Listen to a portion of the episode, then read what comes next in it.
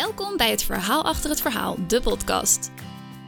Ik geloof dat wat je ziet nooit is wat je krijgt. Er zit altijd nog minstens een paar lagen onder. Dat is het geval bij de personages in mijn boeken, dat merk ik in mijn eigen persoonlijke ontwikkeling en dat zie ik bij de mensen met wie ik praat, zowel in het echte leven als in deze podcast. De stem die je hoort is van Sanne Hillemans. Ik ben schrijver, redacteur en nog zoveel meer dan dat. Maar dat ontdek je allemaal nog wel.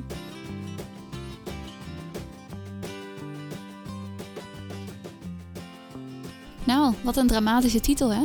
Keihard afgewezen. Zo voelt het wel eventjes, want waar deze podcast over gaat is over de manuscripten die ik heb opgestuurd naar een uitgeverij en die zij niet geaccepteerd hebben. Maar voordat we meteen bij het einde belanden, ga ik even beginnen bij het begin.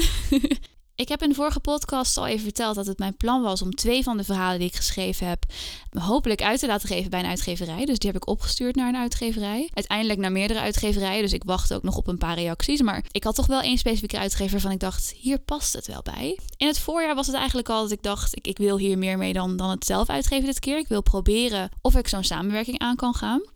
Dus wat ik heb gedaan toen is wat contact opnemen met medeschrijvers en redacteurs. Om gewoon eens wat informatie in te winnen om te kijken hoe ik dat het beste zou kunnen aanpakken. Dus toen heb ik wat gesprekken gevoerd en eigenlijk allemaal tips en tricks gekregen over hoe je nou het beste zo'n synopsis kan opstellen. Uh, wat belangrijk is om te benadrukken in je e-mail en in je begeleidend schrijven. En heb ik die tips en tricks gebruikt om ergens begin juli mijn manuscript op te sturen naar mijn uitgeverij Narcose. ik had toen tegen mezelf gezegd, weet je, als ik na twee maanden of zo nog geen reactie heb, dan ga ik het ook naar andere uitgeverijen sturen. En dat heb ik uiteindelijk ook gedaan. Want de reactie duurde wel uh, wat langer. Ik stuurde het gewoon naar het algemene e-mailadres van deze uitgeverij. En ja, dan beland je op de digitale slushpile. Zo noemen ze de stapel manuscripten die altijd binnenkomt bij een uitgeverij. En tegenwoordig is dat natuurlijk digitaal. Maar het effect is hetzelfde, namelijk dat die redacteuren de tijd moeten hebben om te kijken naar wat er binnen is gekomen. Dus dat duurt altijd een tijdje. En schrijvers weten dit ook. Het staat gewoon bekend dat je minimaal denk ik een kwartaal en vaak ook wel bijna wel een half jaar moet wachten op reactie op je manuscript. In de e-mail die ik kreeg als bevestiging stond wel al heel duidelijk van hè, als we tegen deze tijd nog niks hebben laten horen, kan je contact met ons opnemen. Dus daar hadden ze wel zichzelf een soort van deadline gegeven. En dat was natuurlijk wel fijn, want die datum had ik in mijn agenda gezet. van als ik nog niks heb gehoord, dan krijgen ze meteen een mailtje. Nou, en die dag kwam ook en hij ging. Dus toen heb ik inderdaad besloten om er een mailtje achteraan te sturen. Ik had ook al even geïnformeerd bij degene die ik kende bij deze uitgeverij. Want in mijn zoektocht naar wat kan ik, hoe kan ik dit het beste aanpakken en hoe kan ik dit doen, had ik ook contact gekregen met iemand die bij deze uitgeverij werkt. Dus ik had haar gewoon een berichtje gestuurd om te vragen van, hey, heb je enig idee hoe het ermee staat? Ik ben zo benieuwd. en uh, nou ja, ze reageerde van, hé, ik weet het niet, waar heb je het naartoe opgestuurd? En toen gaf ze me haar eigen e-mailadres even om het naar door te sturen. Nou, vanaf dat moment ging het allemaal wat sneller, dus dat was heel fijn. En toen wist ik op een gegeven moment dat ze het zouden bespreken. En op aanraden van iemand destijds had ik niet mijn hele manuscripten opgestuurd, maar de eerste paar hoofdstukken. Omdat ze vaak toch niet meer dan dat lezen in de eerste beoordeling. Nou, toen vroegen ze op een gegeven moment om de volledige manuscripten. Dus dat is natuurlijk al heel erg fijn. Dan weet je gewoon, ze hebben al iets gelezen, ze willen meer lezen. En in gedachten ging ik al langs om het contract te tekenen. dus ik wacht nog steeds in spanning af. En nou ben ik normaal gesproken echt wel van de verwachting management bij mezelf ook. Weet je dat ik heb het ook bijvoorbeeld naar andere uitgeverijen opgestuurd en daar heb ik nul verwachtingen van. Ik, ik verwacht eigenlijk gewoon een afwijzing. Maar ik merkte dat ik bij deze uitgeverij toch wel wat hogere verwachtingen had, omdat ik het gevoel had dat ik alles goed had gedaan. Ik had van tevoren contacten opgedaan en tips en tricks gevraagd. Die had ik toegepast. Ik had een goede synopsis opgesteld en laten redigeren ook door mijn vaste redacteur. Ik heb de eerste zes hoofdstukken opgestuurd. Ik had heel erg gefocust in de e-mail bepaalde aspecten van ik dacht dit willen ze weten, want dat, dat wist ik van iemand aan die inside. Ik kende iemand aan die inside en als je dit luistert, no hard feelings. Maar ik probeer het even te illustreren voor alle andere luisteraars. Dat ik voor mijn gevoel echt alle goede stappen had gezet. En nou ja, aan de hand van de titel kun je al raden dat het alsnog niet goed is afgelopen. Maar ik had dus wel heel veel stappen gezet om het, om het echt zo goed mogelijk voor te bereiden. En uh, dan is de teleurstelling natuurlijk nog groter. Want uiteindelijk had ik stiekem toch wel verwachtingen. En zoals ik al zei, zag ik mezelf al helemaal dat contract tekenen. Maar goed, jullie zijn gewoon benieuwd naar wat er is gebeurd. Dus wat er is gebeurd, is dat ik uiteindelijk um, een afwijzing kreeg. No shit. Nou, wat er is gebeurd, is dat ik een uh, mailtje kreeg waarin stond: het eerste manuscript, dat, dat wordt het niet. En toen was ik echt wel, dat vond ik echt wel heel jammer. Ik was ook best wel een beetje geschrokken, omdat in mijn hoofd ik al zoveel verder was. En uh, ik voor mijn gevoel al, of zoals als een vriendin het heel leuk zei, ja, je was al met negen tenen binnen, zeg maar. um, dus ik vond het echt heel jammer. En ik probeerde ook heel goed te kijken naar de feedback die ik dan kreeg en de reden waarom, want die had ik wel gekregen, kom ik zo nog even op terug. Um, maar goed, het, het was gewoon, ja, het was best wel even slikken ik weet nog dat ik op dat moment dacht van... oh, ik ben wel altijd zo positief, maar ik vind het helemaal niet leuk. En hoe moet ik dit nou positief zien? En de volgende dag was ik er alweer bijna overheen. Maar goed. en toen een paar dagen later kreeg ik een mailtje dat het tweede manuscript het ook niet ging worden. Natuurlijk niet in die woorden, want ze waren veel aardiger. Maar uh, daar kwam het natuurlijk op neer. Ja, dus toen waren ze allebei afgewezen. En ik moet zeggen, die eerste vond ik wel jammer, maar die tweede had ik al zoiets van ja, whatever. Uh, want bij die eerste wist ik al met de reden die ze gaven, van dan wordt die tweede het ook niet. Want het waren soort gelijke dingen. Wat heel uh, grappig is, of ja, wat is grappig, is dat je toch gaat twijfelen. Ik ging, ik ging echt twijfelen. Ik ben normaal gesproken vrij zeker over mijn schrijven en mijn verhalen. En ik bedoel, ik heb ook een beetje goede recensies, whatever. Ik weet dat mensen het leuk vinden om te lezen. Maar je, je gaat toch twijfelen. En eerst ging dat over het schrijven zelf. Want toen dacht ik, ja, een van de onderdelen van de feedback was dat er te veel actie in zat en dat het niet geloofwaardig meer was. Ook dat er meer ingegaan mocht worden op de romantiek en de persoonlijke struggles. Terwijl als je mijn boeken kent, dan weet je dat die echt wel aan bod komen. En dat vond ik een van de lastigste dingen, omdat ik het eigenlijk niet helemaal eens was met de feedback. Want die actie, dat, dat vond ik niet too much. Ik gebruikte die juist om het liefdesverhaal vooruit te helpen en die struggles naar boven te laten komen. Uh, plus, het maakt het gewoon een fucking spannend boek. maar ja, vervolgens komen er dan twijfels van, ja, kan ik dan gewoon niet schrijven? Zeg maar, is dit, is dit zo'n situatie waarin ik denk het is heel goed en iemand anders zegt, nee schat, het is echt niet goed? Of, of, is, dat het, of is dat het ook niet? Dus, dus je gaat dan echt heel erg twijfelen. En vervolgens was het de vraag van, oké, is, is dit dan smaak? Of is het inderdaad echt gewoon een gebrek aan, aan skill? Is er dan geen publiek voor mijn verhalen? Want als eigenlijk aangegeven wordt van, uh, er is te veel van dit, te weinig van dit, dit gaat niet aanslaan bij onze lezers. Was dat de volgende vraag die ik mezelf stelde? Van, is er dan geen publiek voor mijn verhalen? Is, ben ik gewoon niet aan het schrijven? Dat dat niemand ooit wil lezen. Wat op zich oké is natuurlijk, want dan ga ik het gewoon lekker voor mezelf schrijven. Maar ja, ik ging ook denken, nee, weet je, natuurlijk, ik vind het leuk. Ik vind het leuk om dit soort dingen te lezen. Niet alleen mijn eigen verhalen, maar ook verhalen hierover. Ik lees dit soort boeken ook. En de proeflezers die vlogen er doorheen en die vonden het echt een page-turner. En wat, wat gewoon lastig is, is om dan, je, je weet gewoon... Kijk, ik heb zelf ook wel eens mensen waarvan ik denk: oké, je, je zegt dat het goed is en je, bent, je staat er heel erg achter. Maar er zijn echt wel dingen te verbeteren. En het is gewoon een lastige situatie. Want dit, dat is ongetwijfeld wat zij nu denken over mijn verhaal. En tegelijkertijd denk ik van ja, ik vind het zo moeilijk omdat ik echt niet die schrijver wil zijn die niet open staat voor feedback en vasthoudt aan wat ik doe. Maar aan de andere kant weet ik ook welk verhaal ik wil vertellen. En ik wil het op mijn manier vertellen. Dus dan is de vraag: wanneer is het smaak en wanneer is iets echt niet goed? En ook zat er een stuk feedback bij waar ik wel echt wat mee kon. En waarvan ik deels dacht: ja, oké, dit is logisch en dit zou ik inderdaad beter kunnen aanpassen. Maar ook stukken waarvan ik dacht, ja, is dit waar of is dit smaak? En dat is ook een van de redenen dat ik deze podcast wilde opnemen. Sowieso om te laten zien dat zelfs iemand zoals ik, dit klinkt misschien raar, maar dat zelfs ik aan mezelf ging twijfelen. Nou, heb ik die momenten sowieso wel eens hoor, maar dit, dit schopt wel echt eventjes uh, je benen onder je vandaan, zeg maar. Dramatische uitspraak weer. Maar de vraag die ik me volgens eigenlijk ging stellen is: als ik dit verander. Want kijk, sommige feedback gingen echt over wat schrijfstijl dingetjes of schrijftechnische dingetjes. Maar andere dingen gingen echt over het plot. En toen dacht ik aan mezelf: ja, als ik dit verander, wordt het verhaal dan echt beter? En ik kwam tot de conclusie dat het er vooral anders van zou worden. En dan is de vraag, ja, gaat het dan nog passen bij het verhaal dat je wilt vertellen? En dat is lastig te beantwoorden. Maar het, werd er vooral anders van. Dus dat is een, een hele moeilijke balans. Want van sommige delen weet je gewoon, oké, objectief gezien, dit is inderdaad waar. Hier kan ik iets mee. Hier ga ik op letten bij volgende verhalen. Of ga ik nog aanpassen in dit verhaal zelfs. Uh, maar het andere deel voelt toch meer als, als smaak. Wat ik trouwens wel even bij moet zeggen ook, is dat het niet alleen maar van... hé, hey, nee, we gaan het niet uitgeven en dit is waarom en het was heel slecht. Ik kreeg ook hele leuke feedback terug, namelijk dat ik um, prettig schreef, dat ik een leuk mens was. dat ik vooral moet doorgaan met schrijven. En, en wat gewoon leuk is, dat die deur nu open staat voor eventuele toekomstige samenwerkingen. Als ik wel besluit iets minder actiegericht te schrijven. En ik moet ook nog wel eventjes trouwens aan toevoegen dat het niet alleen was dat er veel actie in zat, maar ook dat het een criminele setting heeft. En niet op zo'n manier van, oh, het wordt allemaal crimineel, maar wel op zo'n manier van, er komen criminelen in voor. En ja, mensen hebben liever niet dat ze criminelen zijn, maar dat is nou eenmaal zo.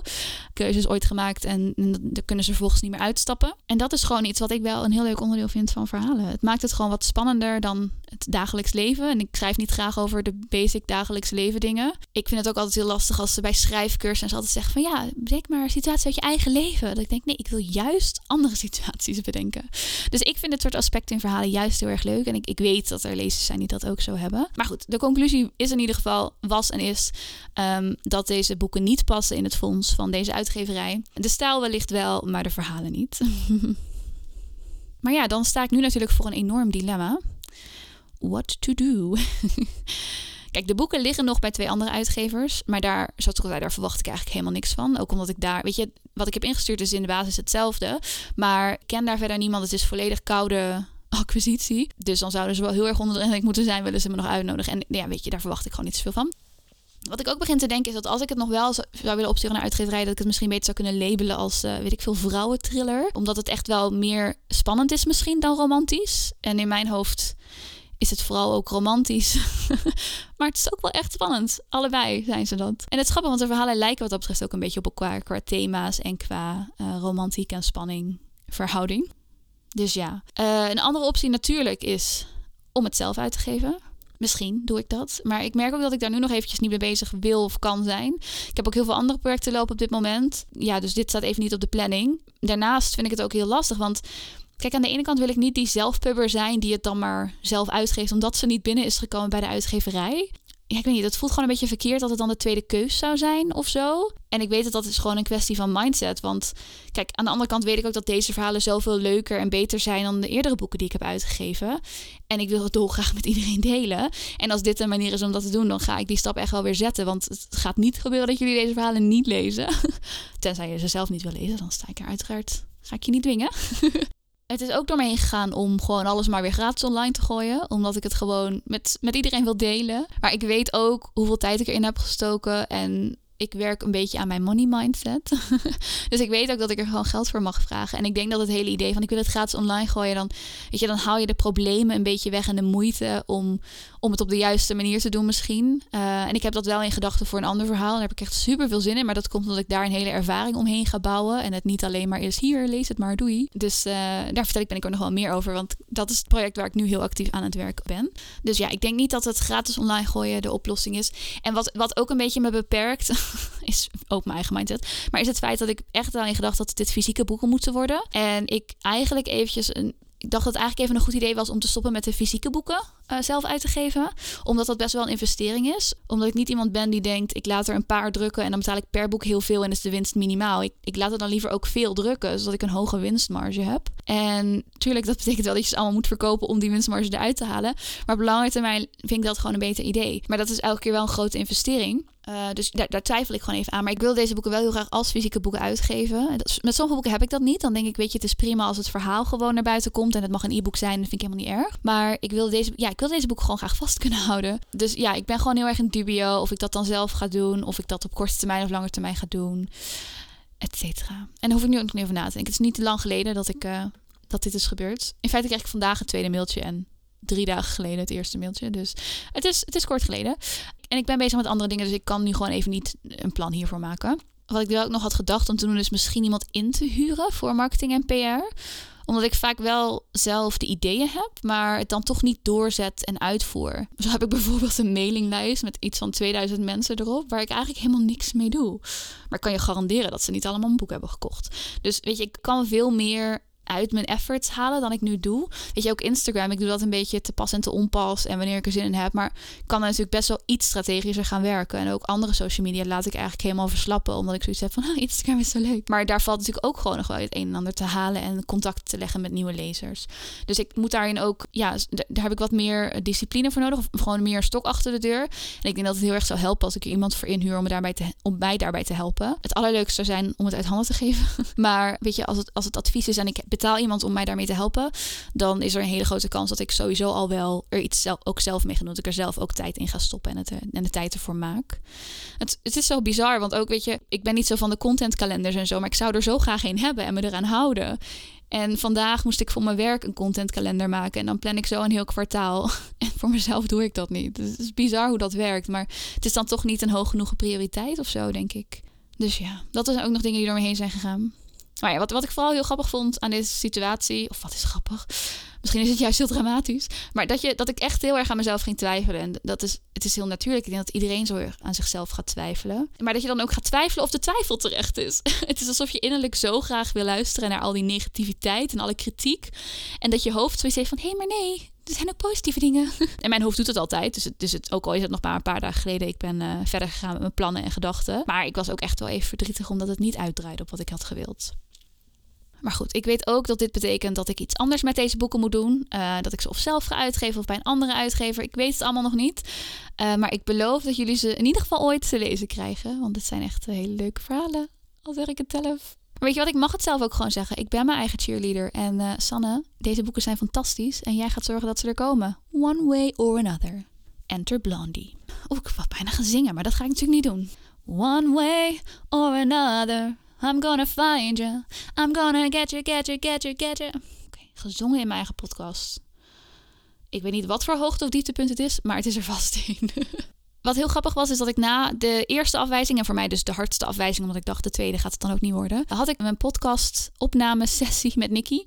Uh, die podcast die volgt binnenkort. En daar hadden we toevallig nog eventjes over schrijven en over afwijzing en hoe het voelt om je zo kwetsbaar op te stellen. Er zijn een paar dingen die ik nog eventjes kort wilde delen waar ik daardoor aan moest denken. Kijk, weet je, het is altijd moeilijk om je kwetsbaar op te stellen. En als je zo'n manuscript laat lezen aan iemand, is dat al moeilijk. Want je gaat beoordeeld worden. Er kan een afwijzing komen of een, een negatieve mening of weet ik veel. En dus daarbij maakt het voor mij nog niet heel erg veel uit of ik het laat lezen door een vriend of vriendin of door een boekblogger of door een, een proeflezer of iemand bij een uitgeverij. Dat is altijd lastig. En ik denk ook dat je, weet je, daar pas mee bezig moet zijn op het moment dat je klaar bent met het verhaal en je er sterk in staat, zeg maar. Kijk, want als ik nog niet er klaar mee zou zijn, dan had ik misschien gedacht, weet je, dan stop ik nu wel met schrijven. Dus ik ben heel blij dat dat niet, uh, niet het geval is en dat het gewoon af is. En dat ik hier niet mee bezig ben geweest tijdens schrijven. Want ik, ja, ik denk niet dat dat de kwaliteit echt ten goede komt, misschien.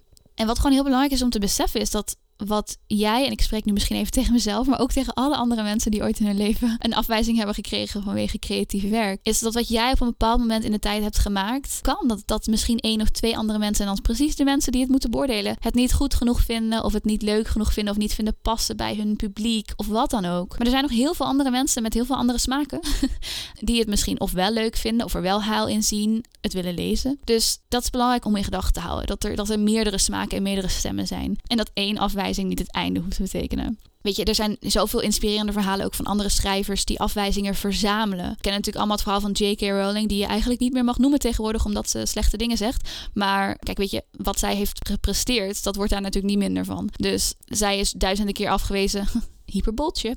Zij is heel vaak afgewezen uh, met haar boeken. Weet je, Stephen King die heeft een inspirerend verhaal. Daar herinnerde Suzanne Musquet me nog eventjes aan. Dat hij een heel inspirerend verhaal had over een spijker die dan aan de muur had. En daar hing die dan zijn afwijzing aan op. En op een gegeven moment was die spijker vol. Ze hing die een grotere spijker op. Weet je, dus als schrijver spaar je afwijzingen. Omdat de wereld gewoon bestaat uit zoveel smaken en zoveel meningen. Dus dat is iets wat je, ja, wat je moet toejuichen. Ik roep ook altijd tegen anderen, weet je. Wees blij dat je het hebt geprobeerd. Dat je de afwijzing binnen hebt. Want dat betekent dat je het hebt gedaan dat je een boek hebt afgemaakt, dat iemand het gelezen heeft en dat het is afgewezen. Maar dat is alleen maar de volgende, dat is alleen maar de stap op weg naar geluk. ik weet niet, maar het is een goede stap, want je hebt het gedaan. En ik geloof er ook in, er bestaat geen falen, er bestaat alleen leren en er bestaat succes. Dus in mijn ogen heb ik nu vooral geleerd om echt goed te kijken naar wat geeft de uitgeverij uit. En dan niet alleen qua schrijfstijl en, en een beetje qua genre, maar ook echt qua... komen dit soort thema's en dit soort settingen ook voor bij deze uitgeverij. En dat is iets waar ik me nu op verkeken had, denk ik. En wat ook echt belangrijk is om te zeggen, en voor mezelf, maar ik denk ook voor anderen, is dat mijn eigenwaarde ligt niet in mijn werk. Kijk, dit is misschien dit is jammer. Maar dit gaat over mijn schrijven en niet over mij. Ik zie dit niet als zeg maar een klap op mijn ego. of nou, misschien wel op mijn ego, maar mijn ego heeft niet zoveel te zeggen. Kijk, dit is gewoon niet een beoordeling van mij als persoon. Dit is, mijn boeken zijn afgewezen, maar ik ben niet afgewezen. En dat is denk ik voor iedereen die ooit afwijzing meemaakt heel belangrijk om te onthouden. Want dat betekent dus ook niet dat jij moet veranderen kijk, ik ben nog steeds gewoon dezelfde persoon. En natuurlijk, het kan zijn dat je inderdaad misschien werkt aan je schrijven of dingen gaat aanpassen aan de hand daarvan als je het ermee eens bent en denkt dit, dit klopt. Maar het, ja, het is gewoon heel belangrijk om te onthouden dat niet als persoon wordt afgewezen, maar dat je werk wordt afgewezen. Ik zit net te denken, heb ik eigenlijk nog een luistervraag die ik nog niet beantwoord heb? Volgens mij is er nog eentje, maar die ga ik volgende keer beantwoorden. Dus we gaan het deze aflevering. Het is ook een beetje een spontane aflevering. Ik dacht gewoon, oh, ik heb hier allemaal gedachten over gehad. Dus er, ik ga een podcast opnemen. Dus deze keer even geen luistervraag. Maar heb je voor de volgende keer wel een luistervraag? Misschien hierover of over iets heel anders? Uh, dan mag je het altijd stellen. Dat kan natuurlijk via social media. Stuur me een berichtje of zet het even ergens onder een post. Um, ik probeer ze allemaal te verzamelen en dan uh, in elke aflevering eentje te beantwoorden. Uh, en als het er straks misschien heel veel worden, dan kan ik altijd wat meer gaan beantwoorden. Maar blijf het vooral insturen. Heel erg bedankt voor het luisteren. Ik hoop dat mijn ervaringsverhaal jou misschien ook een beetje kan helpen. Uh, misschien in de toekomst. Of als je straks een keer ergens voor afgewezen wordt, dan weet je dat deze podcast er voor je is. En dan kan je hem gewoon even opnieuw luisteren. En dan spreek je op het eind nog eventjes wat uh, wijze woorden toe. maar voor nu bedankt voor het luisteren en uh, tot het volgende verhaal. Wat ontzettend leuk dat je hebt geluisterd naar deze aflevering van Het Verhaal achter het Verhaal. Vond je deze podcast leuk of interessant? Dan wil je het misschien aanraden aan een vriend, vriendin, collega, familielid, wie dan ook. Maar voordat je dat doet, ik ben ervan overtuigd dat we mensen niet moeten aanraden wat wij leuk vinden, maar wat we denken dat zij leuk vinden. Dus vertel ze er alleen over als je iemand kent die mijn podcast misschien ook leuk zou vinden. Als je een minuut de tijd zou willen nemen om een review achter te laten op het platform waarop jij nu luistert, ben ik je erg dankbaar. En zoek me vooral even op op social media om me te vertellen wat je van deze podcast vond. Ik heet overal hetzelfde, Sanne Hillemans. Heel erg bedankt voor het luisteren en tot het volgende verhaal.